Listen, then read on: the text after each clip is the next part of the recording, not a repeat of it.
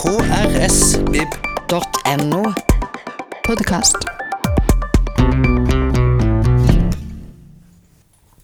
Hei sann, hyggelig å se dere. Takk for det. Jeg har fått beskjed av Miriam at jeg bare skulle uh, sette meg på scenen og begynne å lese, og så skulle hun komme og stille meg noen spørsmål etter hvert. Så jeg tror rett og slett uh, vi gjør det sånn. Er det noen som har sett søstera mi? Der er du, ja. Ja.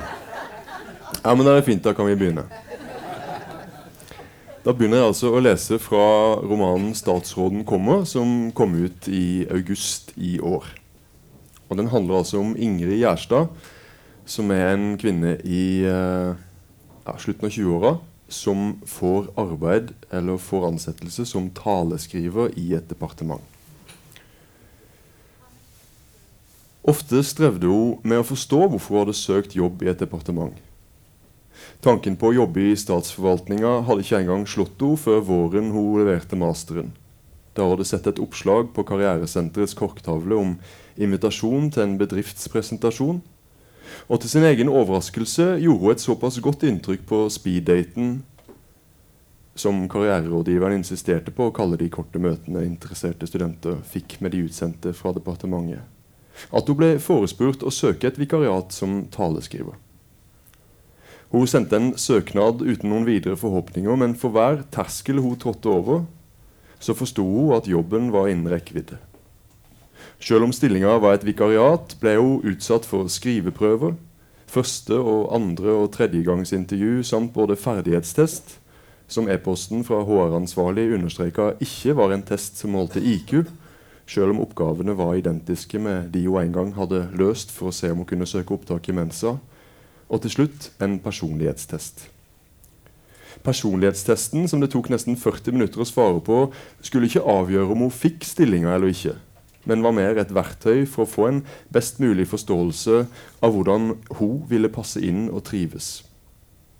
Men da hun svarte så ærlig hun kunne, og til sin overraskelse fant ut at hun nesten utelukkende skåra i randsonen av det som var vanlig, var hun sikker på at de høflig ville informere henne om at de hadde gjort eh, en vurdering, og at hun hadde gjort et godt inntrykk, men at de valgte en annen.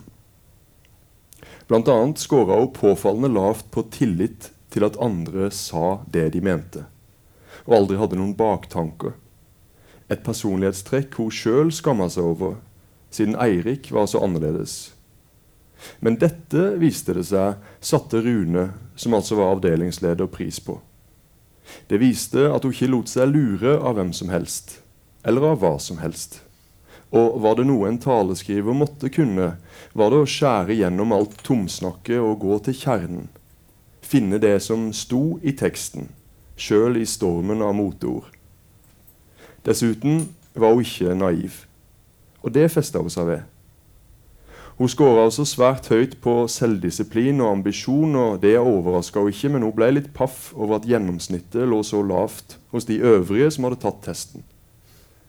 Det eneste Rune ville diskutere, som kunne bli en utfordring, var hennes høye score på fiendtlighet. Når du tar en jobb i et departement, sa han, iallfall i denne delen av organisasjonen, så må du huske på at du jobber for skiftende regjeringer, som også har skiftende interesser. Det betyr f.eks. at de kan være opptatt av å framsnakke forskjellige retninger eller interesser innenfor saksfeltet vårt. Men jeg ser at du har ganske høy score på føyelighet også, så dette går nok bra. Ingrid, eh, han lo, og Ingrid skjønte at det var en invitasjon til å gjøre det samme. Du kommer aldri til å bli bedt om å si noe som ikke er sant, sa Rune, og lot setninga henge i lufta inne på møterommet som om hun skulle få tid til å virkelig verdsette nettopp det. Men du kan heller ikke få med deg alle forbehold og nyanser inn i én og samme tale. Hun ville gi inntrykk for at det han sa, var åpenbart for henne. Men da hun trakk på skuldrene, spurte han raskt om hun ikke trodde det kunne bli et problem. Ville hun være villig til å skrive ting hun mente var helt galt, spurte han. Og hun merka umiddelbart at det var et spørsmål hun lett kunne mistolke.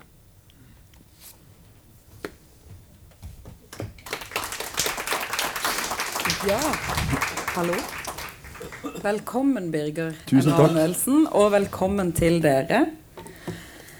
Statsråden kommer. Det handler om Ingrid i 30-årene, som er en eh, nokså briljant taleskriver i et departement. Hun er enebarn, foreldrene er skilt, og hun er samboer med Eirik. Vi følger henne noen måneder av livet hvor egentlig alt hun har gjort til da, oppløser seg, og Ingrid må finne en ny mening med tilværelsen. Det er en roman som beskriver innsida av en departementsjobb, og som samtidig handler om noe mye større enn å beskrive norsk arbeidsliv og politikk. Det er en tekst som nådeløst skildrer opplevelsen av å stå utenfor. Ikke bare samfunnet og sosiale sammenhenger, men også å stå på utsida av sitt eget liv og ikke finne mening i tilværelsen. Dette er min tolkning. og handlingsreferat. Men jeg tenkte at før vi begynner å snakke om statsråden kommer, dette er jo bakgrunnen for samtalen, så så jeg bare på din uh, fødselsdato og utgivelsesliste Er du snart 40? Ja. neste år? Ja, og, neste og år. til neste år også vært forfatter i ti år. Mm. Ja. Så debuterte du med noveller, og dette er din femte roman. Mm. Uh, jeg lurte bare på hvordan det kjennes å være forfatter i ti år. Å, herre min hatt. Eh, Jeg tenkte vi skulle begynne der. Litt Ja. sånn langt her ute. nå gjør jeg en, en sånn ting som politikere pleier å gjøre, å svare på en Først si at det var et, et handlingsreferat eller en oppsummering, en lesning av romanen, som jeg ble veldig glad for. Jeg Mm. syns det var eh, godt å høre at du ser Ingrid i den fortellinga. Så nå gir jeg meg litt tid til å tenke på oh, ja. spørsmålet ditt som du egentlig stilte. Ja, jeg tenkte jeg måtte gi en bakgrunn til publikum først for hvilken bok det er vi snakker om. Og så vil jeg gjerne høre litt først bare Altså Planla du å bli forfatter da du var barn? Ja, ja, eller planla ikke, for jeg hadde ikke noen eh, forestillinger eller forbilder på hvordan det kunne se ut å sitte og skrive. Eh, men jeg, fra jeg var veldig liten En ting som jeg skal oppsummere de ti åra på, så er det at jeg har fått lov til å følge min egen nysgjerrighet i alle de bokprosjektene jeg har gjort. At det har vært det eh, viktigste for meg, å få lov til å sitte og rett og slett undersøke ting som jeg sjøl ikke forstår, som jeg sjøl er oppriktig nysgjerrig på, og som jeg ikke vet hva jeg skal svare eh, hvis noen spør. Mm. Um, og det tror jeg er den grunnleggende følelsen som jeg hadde helt fra sånn 11-12-årsalderen. At jeg brukte da tekst til å stille spørsmål som jeg ikke turte å stille til noen andre, eller som jeg ikke helt visste hvor jeg skulle gå med. Altså Hvis jeg lurte på uh, hvordan vi skulle bli bedre på håndballbanen, eller hvis jeg lurte på hva som var meninga med den leksa, eller hvis jeg lurte på hvor vi skulle i ferien, så kunne jeg alltid spørre noen. ikke sant? Jeg kunne spørre en trener eller en lærer eller mine foreldre. Men så var det jo helt andre ting. Uh, F.eks. hvorfor jeg em, Ja, altså alle de følelsene som oppstår. Uh, hvorfor jeg strevde med å, å sove, f.eks. Alle disse tingene som jeg ikke hadde noen å gå til eh, for å snakke om. De jobba jeg med, eller jobba med ikke, men jeg brukte tekst da, for, å, for å høre mine egne tanker eller se mine egne tanker. Og det opplever jo jeg eh, at jeg har holdt på med hele veien siden 11-12-årsalderen. Og så kommer det jo eh, et punkt der hvor du skriver noe for noen som de tenker ja, men dette kan vi jo bruke til noe, dette kan vi jo lage en bok ut av. Så kommer det selvfølgelig inn en, en annen dimensjon i denne nysgjerrigheten. Men jeg tror at det grunnleggende utgangspunktet, å dyrke sin egen nysgjerrighet og se, klare å finne en form til sine egne tanker, det har vært det som har drevet meg hele veien, og som fremdeles eh, driver meg. Så jeg tenker jo på de ti årene som forfatter som en eh, enorm eh, mulighet bare til å gjøre det som jeg alltid har drevet med, til noe som også kan ja, så enkelt som eh, bidra til å forsørge tre barn. Og, altså, altså, Ja. s- altså, det kommer inn en sånn praktisk økonomisk side ved det. da. Mm. Eh, men det er den nysgjerrigheten som har vært hele tida det drivende. Jeg tror du har jobba veldig godt, for denne romanen er utrolig velskrevet og veldig stram, og den sitter godt. Takk, det blir Ja. jeg glad for å høre. Ja. Men det står også på innbretten da, i romanen at du tidligere har jobba som taleskriver sjøl. ja. Og så vet jeg, eller tror jeg vet i alle fall, at du har også vært redaktør i Ja. forlag. Mm. Eh, Så det betyr jo at du har jobba veldig mye med skriving og med tekster. Mm. Både dine egne og andres, da. Som Mm. er på en måte et helt annet ståsted da enn det skjønnlitterære, kanskje. Veldig. Så liksom, hvorfor ender man opp med skjønnlitteraturen? Eller hvorfor skriver man roman, da, og ikke liksom en eh, Ja, en rekke kronikker, eller blir journalist? Jeg tror jo det er for at romansjangeren, eller skjønnlitteraturen Eller trenger ikke være så streng heller, men den, den um, hensynsløse eller formålsløse skrivinga Og hensynsløs betyr ikke at man skal ramme noen eller såre noen, men man skal ikke ta hensyn til at det skal passe inn i noe, eller at det skal tjene en interesse. Altså De aller fleste som tar ordet eller skriver en kronikk eller en tale, de gjør det på vegne av en arbeidsgiver eller et parti eller en organisasjon eller en interesse som, som skal representeres i samfunnet. Men hvis du skriver fritt, eh, om det blir til romaner eller om det blir til tekstsamlinger eller blir eh, hva det skal være, så, så kan du skrive formålsløst på en annen måte. Du skal ikke representere noe. Du skal bare finne ut i dette tilfellet da, hvem er Ingrid. Hva slags liv er det Ingrid lever? Har ikke hun like stor rett på å bli hørt eller formulere sine eh, perspektiver på sin egen, eh, sin egen tilværelse, sitt eget liv? Har ikke hennes spørsmål også en form for gyldighet? De skal ikke ha gyldighet på vegne av noen, men bare på, på vegne av henne sjøl. Altså, Hun skal få lov til å, å, å stå der. Og jeg opplever jo at um, skriving er jo dels en sånn eh, praktisk side. altså man kan, Det er noe man kan eh, øve seg opp til å mestre, og som man kan lese andre tekster i tilbakemelding på struktur og fortellergrep. Eh, hvis en eh, statsråd kommer og sier du jeg har lyst til å snakke litt om dette temaet, her, så begynner liksom skrivehjernen å tenke ok, hvordan kan jeg organisere det. Ehm, men det er jo alltid på oppdrag for noen. Det er alltid å svare på noen andres spørsmål. Eh, eller å tjene noen andres interesse. Og det for meg er eh, skal ikke være for dramatisk, men det er for meg er noe helt annet enn å skrive bøker. Eh, og det å jobbe som redaktør og jobbe som talerskriver, det har jeg jo gjort fordi at det har vært en måte å eh, lage rom til å skrive bøker på. For hvis jeg kan jobbe som taleskriver i noen år og, og, og bygge noe trygt økonomisk, så ja vel, da kan jeg slutte. Og så kan jeg skrive bøker som ikke, som ikke er trygt. Um, så, så det er litt som at håndverket er jo det samme. Det, det er som en dolk ikke sant? eller en kniv. Den kan brukes til å skjære gulrøtter, eller du kan stikke den i ryggen på noen. Men kniven er jo den samme. Mm. Uh, uh, og nå sier jeg ikke at det å skrive kronikker er å stikke noen i ryggen med kniv, men, men, men, men jeg tror jo at det verktøyet uh, som skrivinga er, er underordna den følelsen jeg har når jeg får lov til å skrive fritt. da. Jeg liker veldig godt det du sier om formålsløshet. Ja. Fordi jeg tenker også at litteraturen kan også bli til tider sett på som Eller bøker eller romaner da, kan bli sett på som produkter. ikke sant? At du på en måte lager et produkt som skal selges, og, og det har et formål. da. Mens eh, jeg liker veldig godt du sier at det er noe formålsløst over det. Du vet ikke helt hva det skal bli ut av det, og det er heller ikke målet. da. Nei. Det er den der nysgjerrigheten av tolv år gamle Birger som fremdeles lever, da, kanskje. Ja. Men hvor kom den ideen da fra, altså til å skrive 'Statsråden kommer'? Altså, Hvor kom begyn- den fra? Det er liksom eh, Når jeg skrev 'Fra jorden ord på blodet', som var min første roman, så eh, hadde jeg først begynt å skrive om en, eh, en mann som ligna litt på meg sjøl, som satt på et sånt treningssenter inne i byen. Og så eh, hadde han noen tanker, og så reiste han eh, bort. Og så reiste han ut i skauen og opp i fjellet, og så traff han en eldre mann som het eh, Tallak. Og hver gang liksom denne unge mannen skulle fullføre setningene sine, eller stille spørsmålene sine, eller skulle skrive om han, så visste jeg liksom alltid hva han skulle tenke, eller hvordan han skulle holde på. Og så hver gang denne Tallak skulle snakke, så var jeg veldig eh, utrygg på hva bor i han. Eh, hva er det han skal si? Eh, eh, hvordan er det han tenker?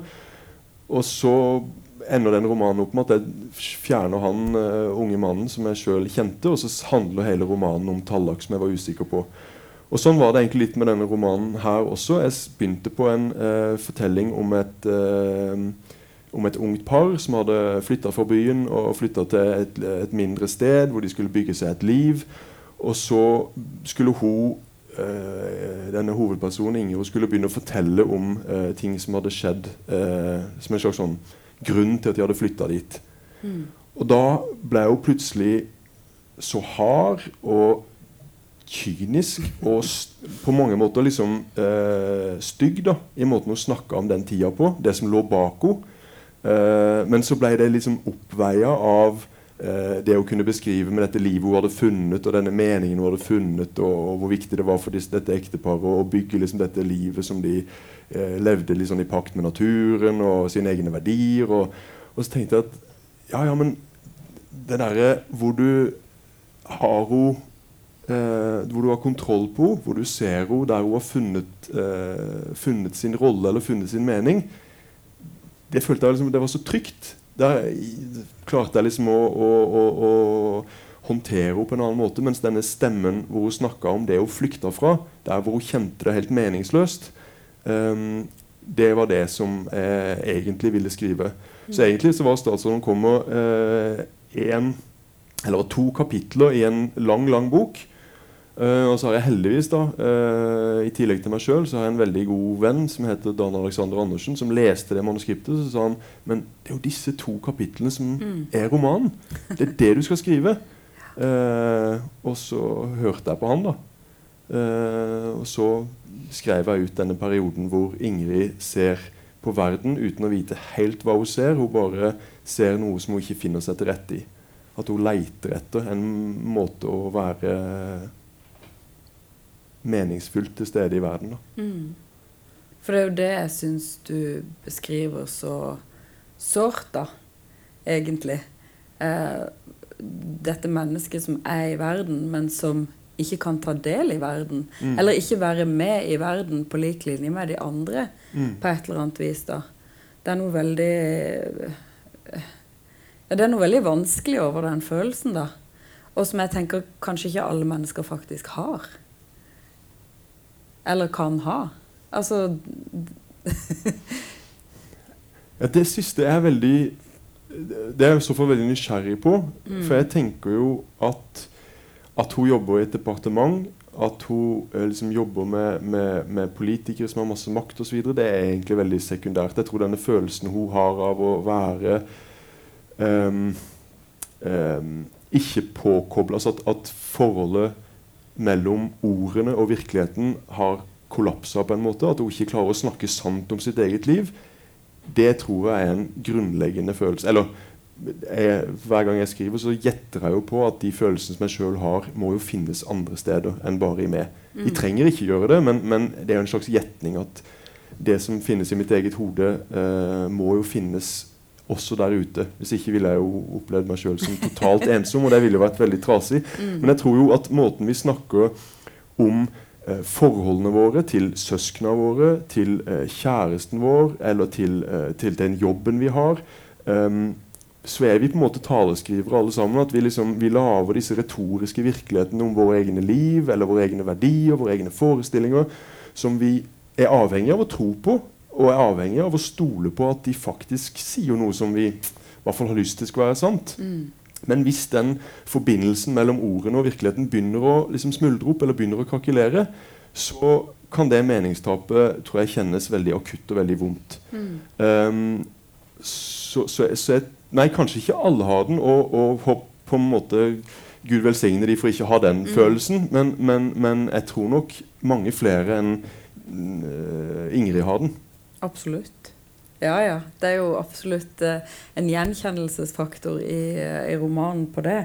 Men jeg tenkte bare det du begynte med å si nå, nå at eh, altså, Da denne boka kom ut, så fikk jeg liksom bare med meg at nå er det sånn det politiske miljøet som skildres på en måte av før jeg leste boka sjøl, da. Så jeg mm. tenkte at det var det den handla om. Mm. Og det er jo det som er lett å gripe fatt i, på en måte. Mm. Men uh, sånn som jeg leser boka, så er det akkurat det du sier, da. At det er ikke det som er det viktigste aspektet ved den fortellinga eh, om Ingrid. Men, men, kanskje akkurat det miljøet er med på å liksom fremheve akkurat denne um, Altså Kan du si noe om det der miljøet? Departementsmiljøet, taleskrivermiljøet. Ja. Disse, dette stedet hvor dette språket fins, og hvor disse fortellingene fins, som på en måte kanskje alle egentlig vet at det er et språk vi bruker for å fremstille virkeligheten på en viss måte. da. Mm. Um, Jeg tror at jeg syns det tale, jeg eh, Å jobbe som taleskriver jeg synes jeg var kjempeinteressant fordi at du ser så tydelig at det er her fortellingene om hvem vi er som nasjon, blir laga. Og det er veldig pussig at um, um, det sitter uh, en masse uh, Ikke bare unge mennesker, men det sitter en masse mennesker f.eks. nå under koronapandemien. ikke sant? Bent Høie har hatt eh, hvor mange pressekonferanser, han har holdt, hvor mange taler. Jeg kjenner godt to taleskrivere som har og formulert disse følelsene, disse fellesskapsfølelsene som Norge har kjent. Når Bent Høie snakker til ungdommen hvor viktig ungdomstida er, ehm, så ligger det en, eh, en språklig innsats bak det fra en taleskriver som har tenkt at nå er det viktig at vi løfter fram denne gruppa. Nå er det viktig at vi snakker direkte til ungdommen, sånn at de skal kjenne seg verdifulle. Og så er det kjempeviktig at alle andre ser at vi snakker direkte til ungdommen, sånn at de skal se at vi tar vare på dem. Så det å framstille maktpersoner, eller et ord som vi ikke bruker i Norge, da, men herskere, altså framstille som omsorgspersoner, er jo egentlig hovedoppgaven til en taleskriver. Og jeg syns jo det var eh, voldsomt interessant at for hver gang vi var på et sted, og statsråden holdt en tale som jeg hadde skrevet, som vi kunne være skjønt enige om i departementet, fagavdelinga, politisk ledelse, alle var enige om at dette her var en kjempegod tale, så var det alltid noen som kom bort. Om det var en som jobba med integrering, om det var en lærer i skolen, om det var en eh, omsorgsarbeider som jobba på en institusjon hvor barn hadde eh, falt ut og trengte ekstra hjelp på skolen, så kom de bort og sa det var en veldig fin tale, men det er jo ikke sånn det er. Og det skjedde så ofte.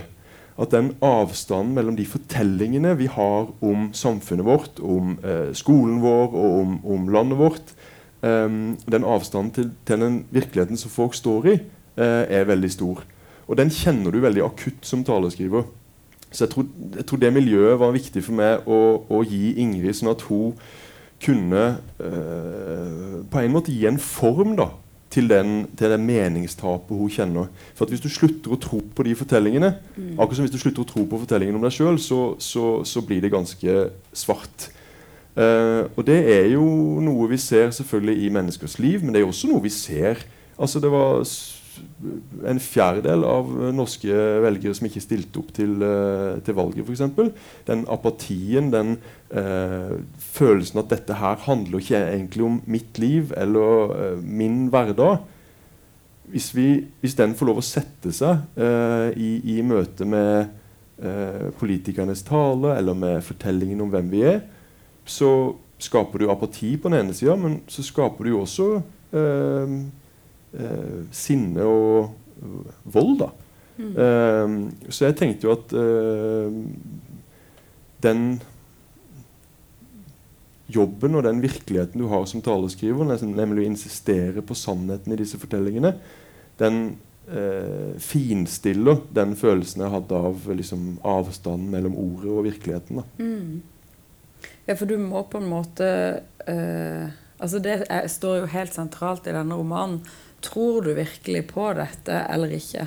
Men sånn jeg opplever det, så er det også et element av en generasjonsbeskrivelse Mm. i denne romanen. Fordi Ingrid får etter hvert to nye yngre kolleger som begynner å jobbe der. Og de skal jo på en måte læres opp til å skrive veldig gode taler, og, og har da Ingrid som sitt forbilde. Um, men så er det en scene ganske tidlig i romanen da, hvor Ingrid sitter på lunsjen. Eh, og så kommer statsråden og skal forsyne seg lunsj, og så begynner den ene kollegaen å liksom kommentere statsrådens bevegelser rundt lunsjbordet med sånn David Attenborough-stemme. Som om man er i en sånn naturdokumentar. Og ja, And here we see the Ikke sant? Veldig sånn, da. Um, og det, det er jo en, en sånn veldig sarkastisk og litt sånn svart måte å omtale på en måte denne statsråden står jo høyst, det er han man jobber for, liksom.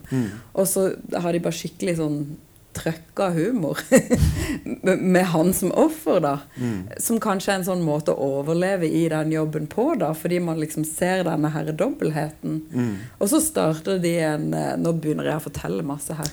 Men det, men det er litt gøy, da, for det er en sånn ting som egentlig er litt utløsende faktor også på slutt, eller utover i romanen, da. Men de får jo en sånn der chat da, hvor de liksom, som de kaller for tråden, hvor de bare skriver masse, masse drit. da fra denne jobben og ironiserer over alle politikerne og alt som skjer. Mm. Mens disse to yngre kollegaene som kommer inn, når de får ferten i dette, så blir det jo helt krise. Mm. De skjønner ingenting. Så for de er helt sånn oppriktige, på en måte. Og, og Ingrid opplever jo de nærmest som naive, da. Mm. Ehm, jeg vet ikke hva du skal svare på her, men, Eh, det- men jeg bare syns at det var en sånn Jeg tenkte dette er jo den der ironigenerasjonen som jeg har vokst opp i sjøl. Hvor vi egentlig ikke tror på en dritt.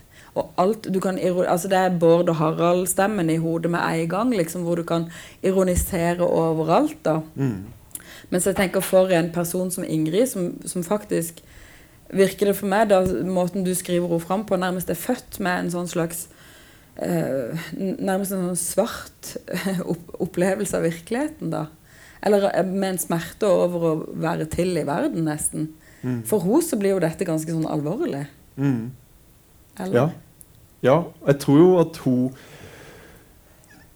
Hennes måte å håndtere den avstanden hun ser, da At eh, det er ikke alltid det statsråden står og forteller, stemmer overens med virkeligheten. Eller det er ikke alltid at dette departementet jeg jobber for, uh, er med på å bygge en sånn sivilisasjonstrapp hvor vi stadig utvikler oss uh, Mm. til å bli uh, mer omsorgsfulle, snillere med hverandre. At vi skaper bedre samfunn. For henne så blir liksom humoren eller disse ventilene, denne tråden, denne sitter rundt et lunsjbord og spøker og viser den tvetydigheten at vi, vi også kan ironisere over. For, de det, det, for henne så blir jo det en ventil. Mm. Og du har helt rett at disse to yngre kollegaene som kommer inn, som sikkert handler litt om alder, men som også handler om at de ennå ikke De er eh, ikke korrumpterte de er ikke liksom. korrumpterte, på en måte. De, de, har, de kommer ennå inn og tror på fortellingen om hva statsforvaltninga er. De kommer inn og tror på fortellingen om, ehm, om politikken som ja, en sånn sivilisasjonsreise oppover og framover. Eh, for så vil jo det å, å allerede liksom, eller i løpet av første uka etter de har kvalifisert seg gjennom første, andre og tredje gangs intervju, etter de har kommet inn liksom, over alle disse tersklene, virkelig kvalifisert seg for noe.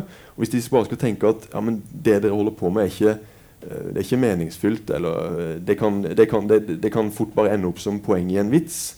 For de så vil jo det være et enormt meningstap. Eh, og det ser jo Ingrid, og, og, og har på en måte en, en omsorg for det, samtidig som hvis den ventilen forsvinner for henne, hvis ikke hun kan eh, føle at hun også kan gjøre narr av det hun holder på med, så blir det vanskelig å se viktigheten i det hun holder på med.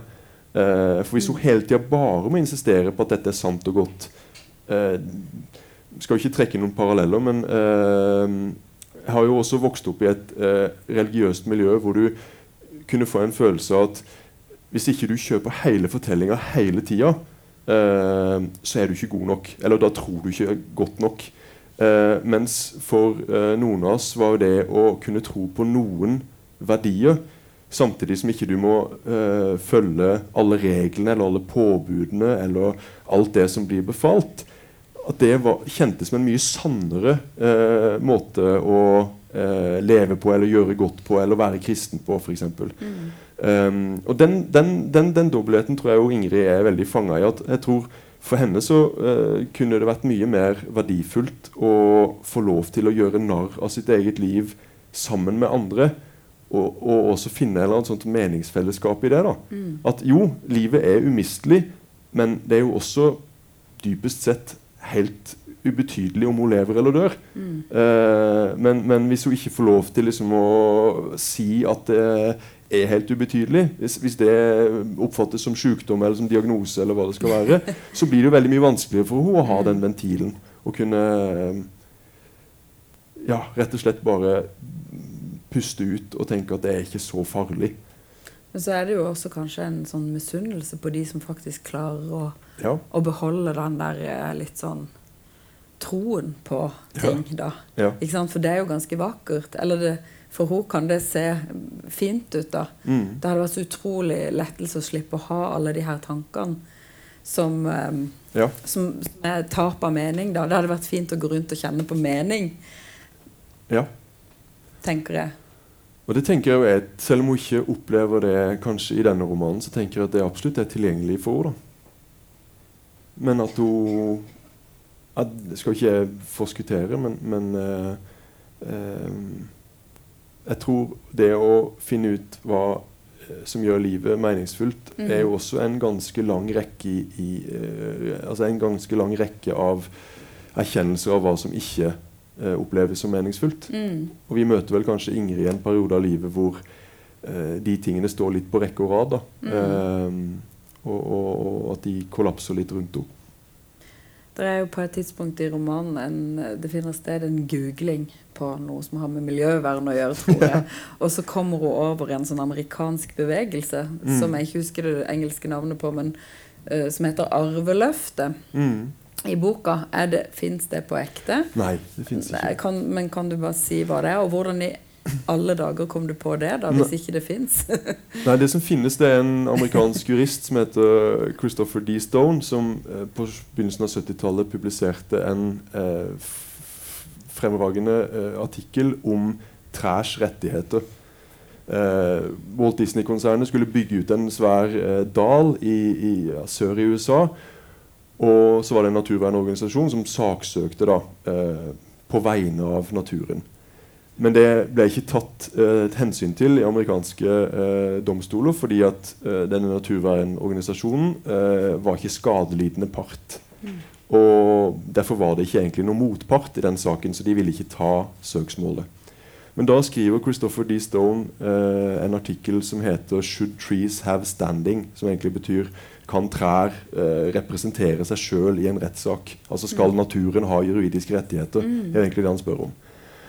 Og han videreutvikler det til en bok. Og den eh, artikkelen blir behandla, eller det synet blir behandla i den amerikanske domstolen, eh, hvor eh, det er eh, Det blir underkjent, men det er flere eh, dommere eh, som er enig med Christopher D. Stone sitt syn på at naturen også skal kunne ha iboende rettigheter. Altså de skulle kunne representeres på lik linje som mennesker i en rettssak. Og Christopher D. Stone er jo på en måte den ja, skal ikke si han er aller første, men han er en av de første som, som hevder et sånt syn i moderne tid. Og Det blir plukka opp av Torstein Eckhoff, som er en norsk jurist. Eh, og i Norge på 80-tallet, så i Alta-utbygginga, så, så, så kan eh, slår Høyesterett fast at miljøvernorganisasjoner kan saksøke staten på vegne av naturen. Så dette finnes dette synet på at eh, naturen er ukrenkelig og har en iboende verdi. Det finnes juridisk, moralsk, eh, filosofisk. eh, Det finnes der ute. Og det er flere eh, grunnlover nå, Ecuador sin grunnlov og Bolivia osv., som har tatt dette synet inn og gjort det til juridisk virkelighet. Og Det finnes en elv eh, på New Zealand som, som har eh, juridisk kategori som menneske. Eh, og dette, denne måten å tenke på kan du jo møte på to måter. Det ene er jo at du da at du liksom nedvurderer mennesket til å ikke være mer verdt enn en elv. mm. Eller en lomvi eller en uh, røyskatt. Um, eller så kan du se på det som en måte at vi utvider den sirkelen for hva som fortjener vår omsorg, hva som fortjener vår respekt, og hva som er ukrenkelig. Og det er jo det reelle synet som jeg eh, har Christopher D. Stone døde i mai i år, og han kommer til å vi kommer til å snakke mer om han de neste 50 åra enn vi har gjort de siste 50 åra. Eh, men, men det synet er det som ligger som grunnlag for denne arveløftet, som er en konstruksjon fra min side. Da, eller The New Heritage Pledge, som tar disse tankene til Christopher D. Stone på alvor, og som sier at eh, hvis du blir med i dette arveløftet, eller hvis du avgir dette arveløftet, så forplikter du deg på å overføre eller testamentere alle dine eiendeler eh, ikke til en organisasjon, men til naturen. Altså du overfører de til naturen, og at de mm, i all framtidig eh, all framtidighet ikke skal kunne eh, Hvis du eier en tomt eller et hus, eh, så skal det stå til nedfall, og gå tilbake til naturen. Og Tanken til liksom dette arveløftet er at det skal bli en sånn eh, haugiansk sånn Hans Nilsen Hauge-bevegelse. At det blir en verdensomspennende bevegelse hvor liksom dette arveløftet kan bygge seg opp landområder eh, rundt omkring i verden som bare skal stå og være naturens landområde. Og Det var liksom ideen. Og denne ideen som jo er en konstruksjon, og den er, den er naiv, og den har alt det som eh, på en måte eh, idealistiske, sekteriske bevegelser har den kjennes veldig meningsfull for Ingrid. da. Så det tar jeg jo på alvor at for henne så, så, så gir dette god mening. Mm. Eh, og i desperasjon nærmest etter å ikke finne noe annet i livet sitt som, som gir denne akutte følelsen av påkobling og meningsfullhet, så prøver hun å overbevise mannen sin om at de bør, liksom, de bør melde seg på dette arveløftet. Og da er det selvfølgelig ett problem, eller ett av flere problem. Det er jo at en av de tingene du forplikter deg på, er at du kan ikke da ha noen andre arvinger.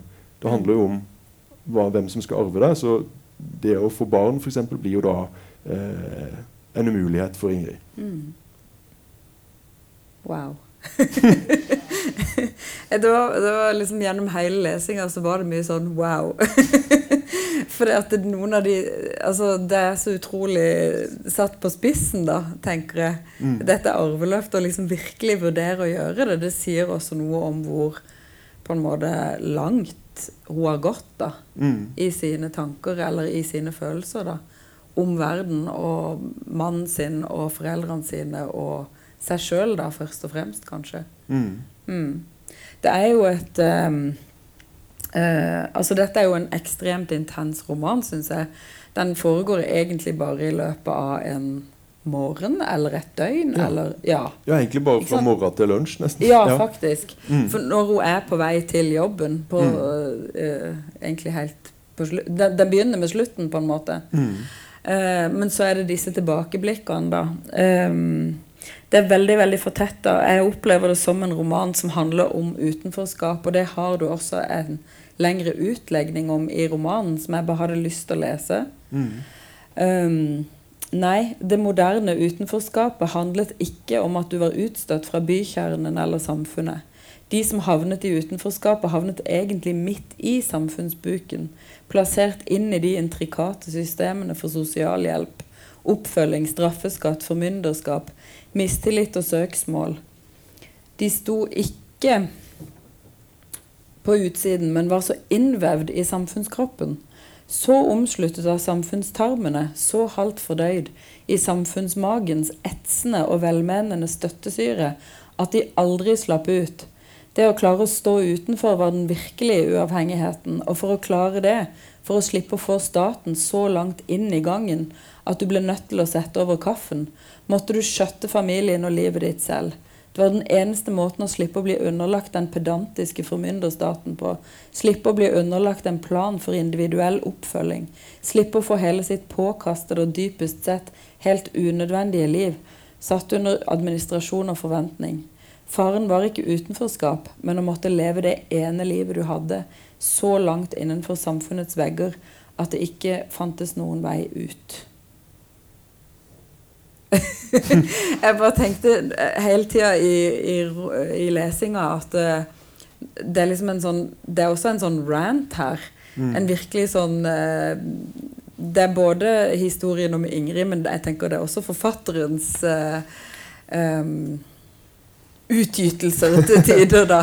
Ja. Eller, altså, jeg tenker sånn, Her har det bygd seg opp en eller annen frustrasjon eller desperasjon i forhold til noen ting du har tenkt på da underveis. Mm.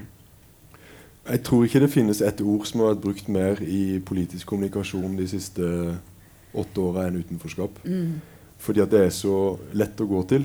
Um, utenforskapet skaper et uh, Det er en metafor. Det skaper et Mm. bilde i hodet vårt hvor uh, Fra de gamle bystatene, ikke sant? hvor du hadde bygd en, eh, en mur rundt byen. Og i byen så var det trygt. Eh, men sto du på utsida av den byen, som noen folkegrupper gjorde, og, og noen samfunnsgrupper gjorde, så var du utsatt for ja, ville dyr eller eh, banditter eller fiender eller hva det skal være. Og der var du utrygg. Men hvis du kom inn i byen, så var du trygg. Og utenforskapet, når vi sier det ordet, så ser vi for oss det finnes noen i samfunnet vårt som ikke har klart disse, alle disse tersklene. Som ikke klarer første, og andre og tredjegangsintervjuet, som ikke kvalifiserer seg, som ikke Mm. ja, eh, kommer gjennom det skoleløpet. Og de står på utsida av dette fine vi har klart å lage, så vi må hjelpe dem. Vi må strekke ut en hånd, ikke sant? som dette gamle Christian Krogh-bildet fra Kampen for tilværelsen. At det strikkes ut en hånd fra bygården og, og gir noe til de som står på utsida og trenger hjelp. Um, og det bildet er som sagt en metafor, og det er en måte å snakke om eh, de som ikke passer inn i dette samfunnet som vi har laga. Eh, som gjør oss på innsida til veldig gode mennesker, for vi ser dem, mm. og vi tar dem på alvor. Som, som er helt absurd. Tenk at man, vi, vi, tar dem på alvor, vi tar mennesker på alvor. Det, det ligger, jo, det, altså det ligger jo i det ligger jo i mennesket. Mennesket skal tas på alvor. Uh, men, men, vi får oss til å skrive og si sånne ting. Um, og vi tenker på dem som noen vi må liksom hente inn. Uten å tenke på at alle disse menneskene stort sett er så tett innvevd i alle de etatene og, og, og, og hjelpetiltakene vi har, at de har mista kontrollen og oversikten og ofte troen på sitt eget liv. da, mm. At det kan fungere. Så den måten å, å, snakke om utenforskap som Dette er jo en, en rant som Ingrid framfører fordi at de skal sitte og skrive enda en tale om mm. utenforskap. Mm. Uh, en av uh, titalls eller hundretalls taler som hun har skrevet. Um, og hun vet så ofte at hver gang de kommer på en eller annen skole eller i en eller annen sammenheng og snakker med noen og holder disse talene om utenforskap, så kommer det en far eller en mor eller en søster eller noen som sier at dette her vet, det, kjenner ikke, dette kjenner jeg ikke igjen. Dette er ikke den virkeligheten som de lever i. Um, er det min personlige rant eller er det Ingrids rant? Eh, det er sikkert en, uh, absolutt en blanding. Uh, men, men uh, jeg tror jo også at den måten å snakke sannere om de problemene som Ingrid ser i samfunnet, handler jo om, hun snakker jo om seg sjøl. Mm. Den derre lysten til å få lov til å stå på utsida ja. Uh, ha uh, Altså, Ingrid er en akademisk middelklasse, en økonomisk middelklasse. Eh, det er en grunn til at hun søker til arveløftet og ikke blir selvmordsbomber. ikke sant? Det er en grunn til at hun kan søke tilflukt i språket. Måten hun snakker om naturen på, Hun har et voldsomt velutvikla språk. ikke sant? Så hun mm. kan jo håndtere denne verden med en sånn stor sensibilitet og trygghet, egentlig. Um, også denne følelsen hun har her, at hun gjør dette sinnet sitt til en sånn uh, språklig oppvisning ikke sant? om mm. samfunnstamer og samfunnsbuk og, og samfunnshjerne. For å lage den repetisjonen og Ja. Hun, hun, har jo alle midlene hun trenger for å håndtere sitt utenforskap eller sin vilje til å stå på utsida. Mm. Uh, um, så um, det kan jo være bare å gjenta de feilene som hun anklager andre for å gjøre. da. Ja. Har du fått noen uh, tilbakemeldinger fra ditt uh, tidligere liv som taleskriver? Fra det miljøet der, da, etter romanen kom ut? Ja, det var det. De sier ikke noe mer om det, eller altså, hva sier de? Det er mm, Nei, noe er jo sånn for, uh, ting som man sier i fortrolighet og lojalitet, men, men jeg har fått en blanding, kan du ja. si. En blanda bukett. Um, jeg har fått veldig mange uh, som sier at det er deilig å lese noe som kjennes sant om hvordan det er å jobbe. Mm. Det har jeg fått mye av. Og så er det en streng æreskodeks som jeg har veldig stor respekt for uh, i embetsverket, som handler om at det som skjer uh, i embetsverket, det blir i embetsverket. og at man ikke skal fortelle om ting. Uh, og selv om jeg ikke beskriver uh, konkrete hendelser eller scener eller personer eller, altså Dette er jo ikke en innsideroman på den måten at det er noen som uh, blir pekt på og sagt at dette er den eller dette var det. Og heller ikke skrevet om hendelser som jeg sjøl har opplevd. Men det er også noen som opplever at jeg har gått for langt i å fortelle om en kultur. Mm. som ikke skal fortelles om. Og ikke fordi at den er, den er, den er skadelig eller hemmelig, men fordi at embetsmannen skal ikke ta plass. Det er politikerne mm. som skal fortelle historiene. Og jeg har, Det har jeg veldig stor respekt for, uh, og da har jeg bare måttet si at uh, jeg er forfatter. Uh, og jeg har tatt meg den muligheten til å skrive om ikke om de konkrete erfaringene jeg har hatt, men den følelsen jeg hadde av å se et system som jeg ikke følte fungerte helt optimalt. Mm. Og jeg tenker Det er jo som store forskjellen på mange har spurt øh, sympatiserer du med Ingrid. Jeg, har, Ingrid er jo en helt for meg. Jeg har kjempestor eh, respekt for henne. Jeg tror det er viktig å ta henne på alvor, og at hun får en bok som tar henne på alvor. Eh, men jeg har ikke den samme sånn, tilbaketrekninga eller troen på at eh, denne politiske diskusjonen er så uvesentlig. For dette for meg er også et bidrag til en diskusjon om hvordan uh, Hva slags forventninger, hva slags forhåpninger vi kan ha om herskerne våre. Mm. Eller om de som, de som styrer oss, og de systemene som styrer oss. Så dette er jo også en måte å ha, diskutere eh, en forvaltningskultur på, eller en politisk kultur på. Um, så det for meg har liksom trumfa denne eh, æreskodeksen. Da. Det var kanskje noen som allerede ved altså På omslaget er det altså bilde av en gorilla. Og så står det 'statsråden kommer'. Ja. Eller er det en gorilla? Det er et gorilla. Det er et kunstverk av en, uh, en norsk uh, maler fra, fra Fredrikstad eh, som heter Børge Bredenbekk, som har tegna en ape. Um, og det er et kunstverk oh, ja. som jeg har, har, vært opptatt av kjempelenge. fordi at det er altså Den boka handler jo også om at mennesket ikke er sluttpunktet for evolusjonen. Mm. Vi er ikke kroninger av skaperverket. Det skal komme noe etter oss og her er det som ligger rett før oss og, og stirrer på og minner oss på det. Så for meg så er ikke dette Jeg, jeg, jeg verdsetter og skjønner at Og forlaget var jo begeistra for liksom kombinasjonen av, av tittel og, og, omslag. Men det bildet der eh, Det sparker litt, liksom. Ja, ja, ja. Det har jeg hatt med meg lenge. Det har jeg hatt lyst til å bruke lenge. Hva er ditt neste prosjekt? Jeg skriver om udødelighet. Jeg holder på med et eh, tema som egentlig er i denne boka også. Eh, forskjellen på det å leve evig og udødelighet. Eh, altså det å leve evig som en sånn en menneskelig konstruksjon som nettopp ser oss som kroninger av skaperverket, hvor vi kan leve evig gjennom eh, kunstverkene vi skaper, eller fortellingene vi etterlater oss, eller pengene vi bygger oss opp, sånn at vi får et legat i vårt navn, eller et museum i vårt navn. Vi kan leve evig gjennom religionen, ikke sant? gjennom å tro at vi faktisk eh, kommer eh, til et sted som, som eh, bevarer oss som sjeler. Og udødeligheten, som er noe grunnleggende som handler om liv og biologi, eh, som er for min del mye større og viktigere enn menneskets liksom, trang til å leve evig. da.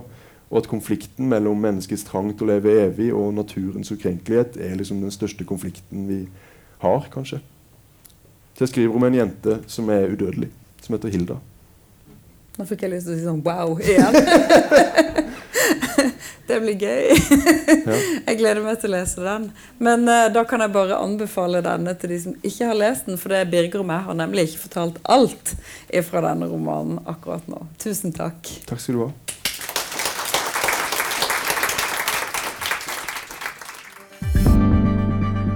Flere podkaster fra oss finner du på Google Podkast Apple Podcast eller iTunes, eller ved å stikke innom vår hjemmeside på krsbib.no. krsbib.no podkast.